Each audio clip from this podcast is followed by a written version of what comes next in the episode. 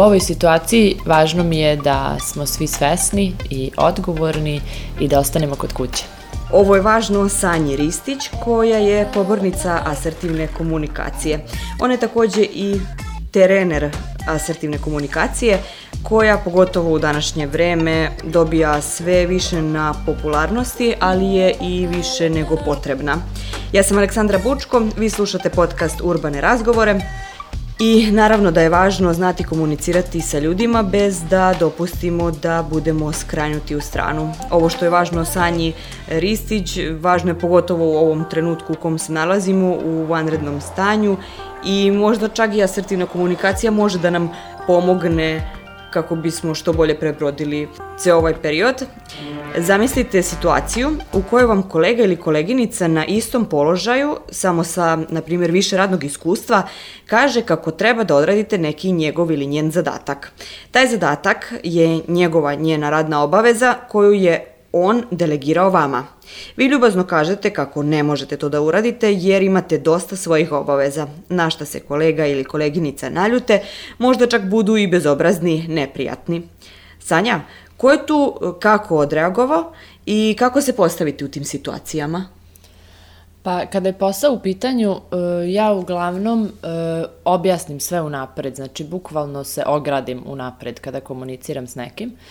E, tako da ako neko od kolega želi da mi delegira svoj deo posla, e, mogu uvek da kažem e, nemoj ovo stvarno ništa da shvatiš lično, ja prosto ne želim da uradim taj deo posla pošto radim nešto svoje i smatram da je to tvoja obaveza. Ako se neko naljutio na vas zbog toga, to je e, u principu i, i njegova odgovornost. A šta se dešava kada je iza ta situacija samo sa, na primjer, poslovođom ili sa šefom? Šta ako vam šef daje obavezu koja prosto nije u vašoj nadležnosti? Evo iz iskustva, meni su jednom hteli da dodele obavezu na poslu koja se tiče administracije, iako ja nemam apsolutno nikakvog iskustva sa administracijom i nikakvog znanja o tome. E, da li i tada možemo ljubazno i asertivno da ukažemo na to da to nije prosto naš radni zadatak i da ne, nemamo znanja kako da to odradimo?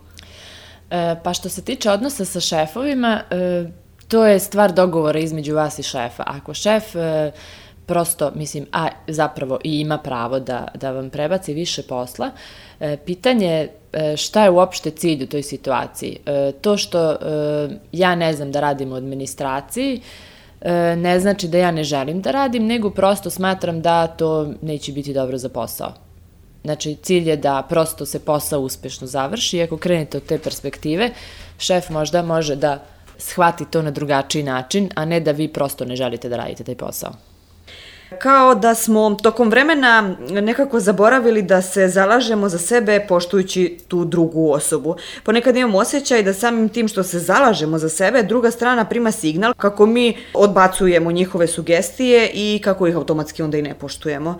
A zapravo za asertivnost kažu da je to vid komunikacije u kojoj se osoba zalaže za sebe, za svoja prava i za ono šta zna, šta želi, a šta ne želi. E, međutim, osetila sam da se često za ljude koji su asertivni misli da su i bezobrazni. E, da li je to tačno?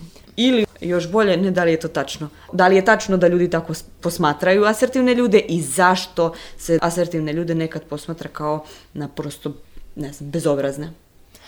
Pa ne bi se složila da e, asertivne ljude posmatraju kao bezobrazne. Uh, zato što asertivnost nije samo e, fraze koje mi izgovorimo, znači šira je slika. Tu postoji e, i govor tela, ton kojim govorite. Znači, e, zapravo je u principu biti asertivan je zapravo raditi na sebi, da ti kad izgovoriš tako nešto, si potpuno u skladu sa tim i potpuno si okej okay s tim. A ne da kažeš neku frazu, a posle se jedeš ono kući što nisam nešto drugo ili bilo šta. Mislim da je važno, već je spomenula tri neke ključne stvari, da treba da, treba da se izgovara i ton i položaj tela i koje su fraze koje mi izgovaramo kada je u pitanju asertivnost. Možda da krenemo od početka. Šta je zapravo asertivnost? Najosnovnija definicija je da e, je to komunikacija u kojoj ti zastupaš sebe, ali poštuješ drugu osobu. E, I treba da smo svesni da, e, pošto mi svi imamo naravno prava, ovaj, određena, postoji čak i ovaj, spisak asertivnih prava, e, da ista ta prava ima ta druga osoba sa kojom komuniciramo, a kao i iste odgovornosti. Znači, apsolutno identično, kao, e, kao da se gledamo u ogledalu. Znači, ako ja imam pravo da se predomislim, e, a imam, e, isto tako druga osoba ima pravo da se predomisli. I to je sasvim u redu. Ako e, meni smeta, na primer, treba da se nađem sa prijateljicom i ta prijateljica svaki put kasni. Ako ja kažem njoj, smeta mi jako zato što ti kasniš i sledeći put te neću sačekati, prosto ću da odem. E, jako važna stvar, na primjer, u toj situaciji je doslednost. Znači, ako ona sledeći put kasni, ja stvarno treba da odem. Zato što ako ne postoji taj moment, ona će svaki sledeći put da kasni i e, prosto ne može da se naljuti zbog toga ako sam ja otišla, a unapred sam najavila. Mislim, moje pravo je da ja ne želim nju da čekam dok ona kasni. I to je to. Isto tako, ako vi zakasnite, ako vas neko nije sačekao, to je potpuno njegovo pravo. Svi u stvari treba da naučimo da prvo da ne prihvaćamo neke stvari previše, kako ja kažem, lično, možda, lično da, da. da, i prosto da veoma poštujemo druge ljude e, i u komunikaciji što možda manjka trenutno. Pa naravno, mislim, treba svi da naučimo da nemamo samo mi prava, nego da sva prava koja mi imamo imaju i svi ostali ljudi i da se ponašamo u skladu s tim. Spomenula si deset pravila asertivnosti? Deset um, asertivnih prava. Deset asertivnih prava. Možda neke da nam kažeš da vidimo koji su. Pa neka od asertivnih prava su, na primer, uh, pravo na promenu mišljenja. Malo pre sam spomenula da ovaj, je sasvim u redu da se predomislimo. Mislim, to je najnormalnija stvar na svetu.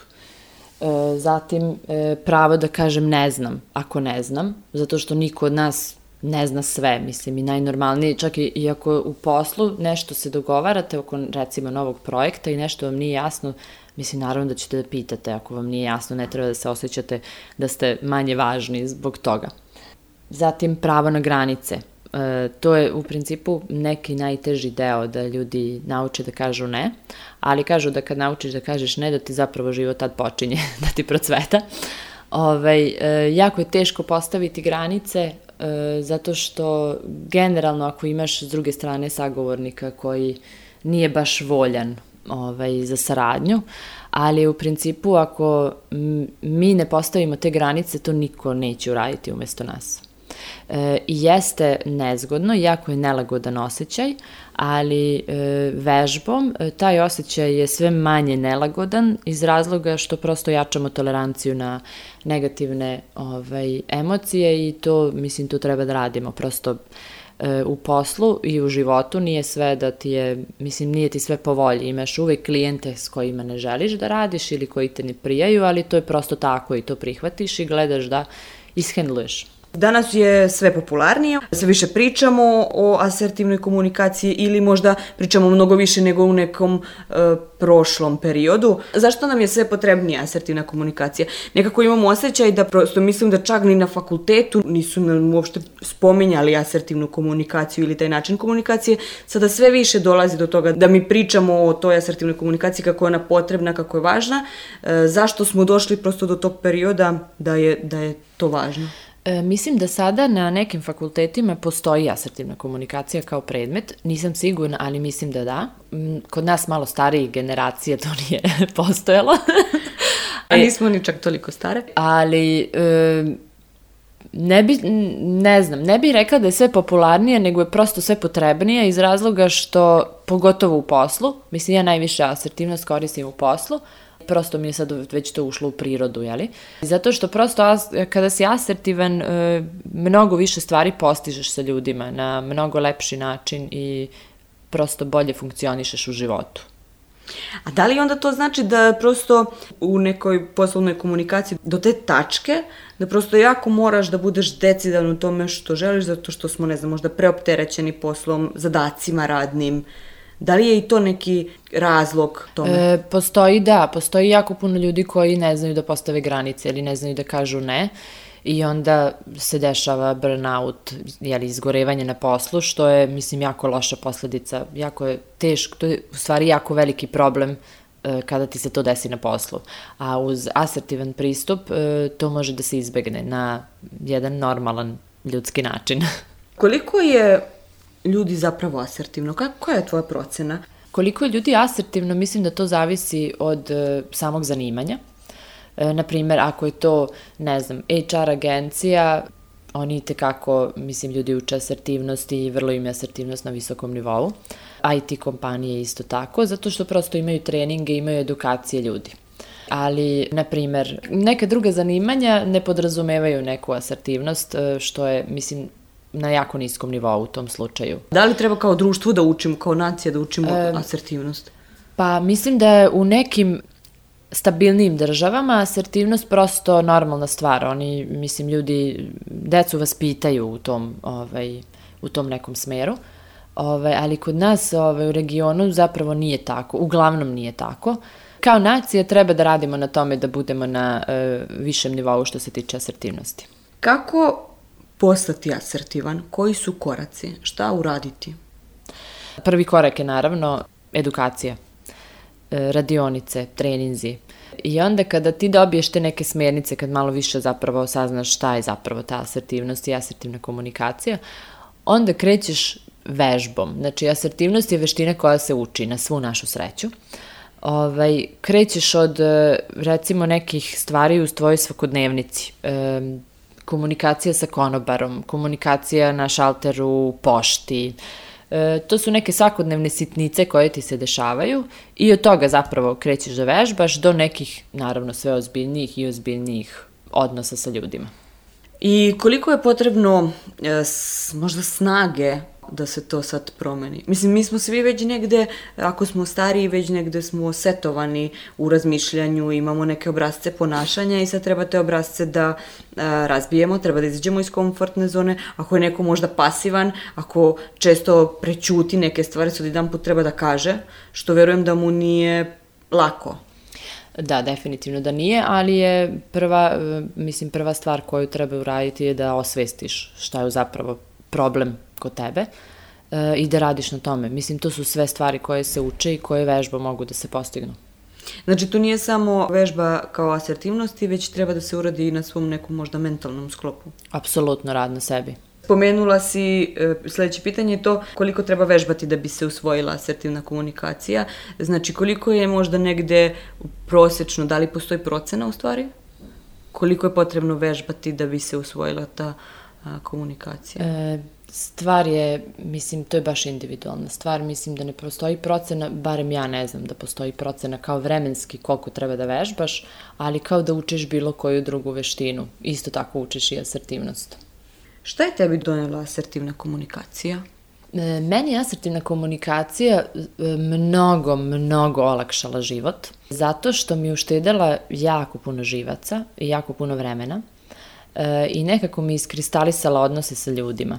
E, meni je cilj kad e, sad pričamo o poslu, ako postoji neki dogovor e, u poslu ili bilo šta da se radi, da ne postoje prosto e, nejasne stvari.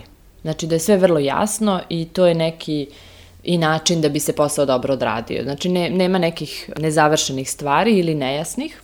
Uvek, ako na primer radim intervju za posao, ja ću svakom da kažem e, pitaj me slobodno, ne postoji glupa pitanja. Znači, lakše mi je da, da me neko pita ako mu nešto nije jasno, nego da ode kući sa upitnikom u glavi. Na taj način olakšavamo sebi posao e, kasnije, iz razloga što se ne vraćamo na neke tačke koje smo već prošli.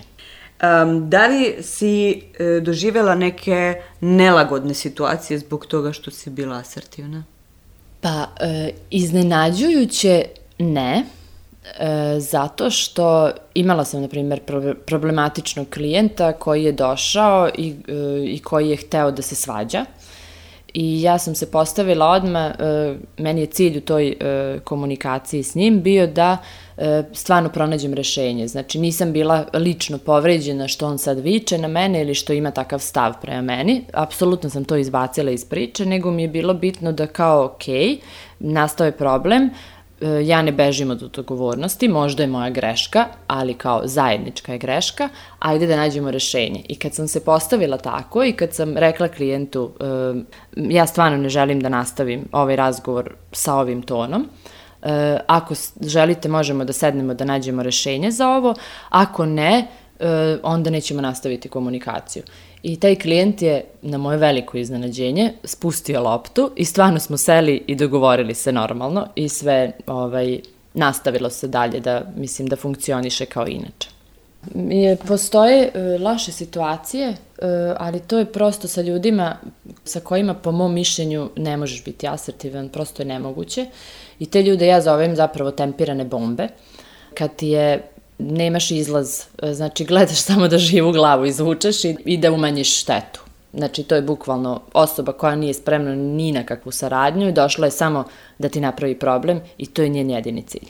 Znači, postoje ljudi e, na koje ti ni ne možeš asertivnu komunikaciju u stvari da primeniš? E, da, po mom mišljenju postoje, zato što ti ljudi, e, ako ti dođe i napravi ti problem e, na poslu, dođe prosto se izviče na tebe, iz tako nekog ne, nepoznatog razloga, ta osoba, znači to nema veze s tobom, ni sa tvojim poslom, nego će ta osoba isto tako da se ponaša i u pošti, i u banci, i kod kuće. Mislim, prosto je do nje. Tako da mi tu odgovornost, u, u tom slučaju, mislim, ja tu odgovornost ne, ne, ne preuzimam. To je jako interesantno, kažeš, ja tu odgovornost ne preuzimam. Uh, sad, čak i iskustvo mogu da možda da kažem da je meni vrlo često da um, teško da, da se ne osetim pogođeno rečima iako se ne odnose na mene. Uh, zašto je to Tako. Pa naravno da je teško kad nije prijatno da, da neko viče na tebe, a da ti prosto nemaš, mislim, nemaš nikakve veze s tim, ali to je prosto neka stvar koju osvestiš, da kao što postoje hejteri koji će uvijek da hejtuju, to je sve što oni rade u svom životu i ti to osvestiš i znaš da to ne, ne tiče se lično tebe, niti se tiče bilo čega što ti radiš, nego je prosto do te osobe e, prosto takva. I to je to i ti tu nemaš šta da se nerviraš zato što nema prosto pojente. Spomenuli smo uh, asertivnu komunikaciju, spomenuli smo čak i uh, možda ako je neko pasivan, koje, koje vrste um, komunikacija postoje? Pa postoje pasivna, agresivna, pasivno-agresivna, možemo i to da klasifikujemo, i asertivna.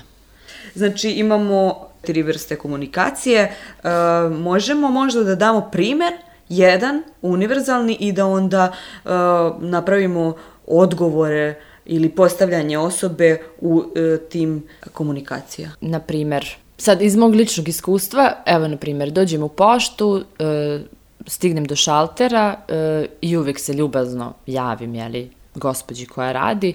Uh, uglavnom, uh, oni uzvraćaju ljubaznošću. I prođe sve vrlo asertivno, svako radi svoj posao, svako ima svoj cilj i to, je, to prođe bez ikakvih problema. E, ako je agresivno, e, onda će možda meni gospođa da bude jako neljubazna, da mi baca, ne znam, uplatnicu ili šta god da, da radi. E, u tom slučaju, ako ću ja da postupim asertivno, e, reći ću joj, procenit ću prvo naravno situaciju, što ja uopšte, da li uopšte ja hoću sad oko toga da se bavim pod broj 1, procenim situaciju i u odnosu na to e, reagujem to jest ne reagujem, odgovaram na situaciju. Ukoliko je neljubazna ta gospođa, e, mogu da joj kažem da e, prosto molim vas nemojte da budete tako neljubazni pre meni, zato što ja samo želim da e, uradim to što imam ovde i da idem kući. Ali uvek treba imati u vidu to da E, ne možeš ti da se staviš u tuđe cipele, mislim, prosto ne znaš šta se dešava sa tom drugom osobom, ne znaš šta je ona prošla, ne znaš, mislim, prosto ne treba ni neke predrasude imati unapred, e, nego prosto gledaš svoja posla, imaš svoj cilj i gledaš da ispoštuješ tu drugu osobu i da to prosto izađe sve kako treba.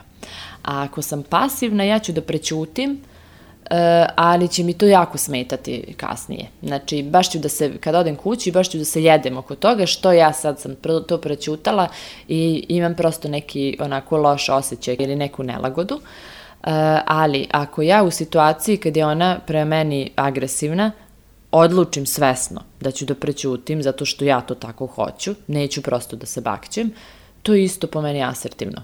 Ja sam to odlučila i ja ne želim uopšte da razmišljam dalje o tome i ja kad odem kući, dok, dok stignem do kuće, ja sam već zaboravila potpuno da je ta se situacija i desila.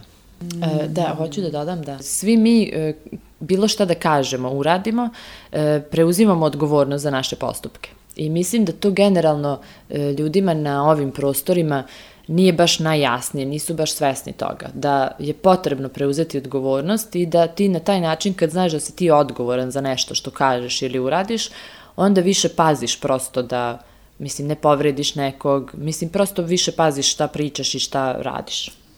A, da li bi mogla da daš savet svima koji e, možda su sada u procesu, e, ne znam, učenja asertivnosti ili su se možda zainteresovali za to da postanu asertivni?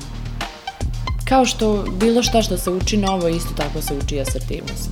Stvar je vežbe i prosto je veština koja se nauči. Ako ste uporni i opet kažem, nije to samo ovaj, par fraza koje izgovoriš, nego je šira slika, nego je prosto rad na sebi. Znači, bilo kao nova veština je zapravo rad na sebi. Bili su ovo novi urbani razgovori sa Sanjom Ristić, trenerom asertivne komunikacije. Hvala ti Sanja što si bila gošća a, ovih urbanih razgovora. Hvala tebi Saška što si me pozvala. ja sam Aleksandra Bučko, a vi ste slušali podcast Urbani razgovori koji je od sada dostupan u sklopu medijskih sadržaja Fabrike kreativnosti. Slušajte i dalje o važnim temama jedan na jedan svake poslednje srede u mesecu. Thank you.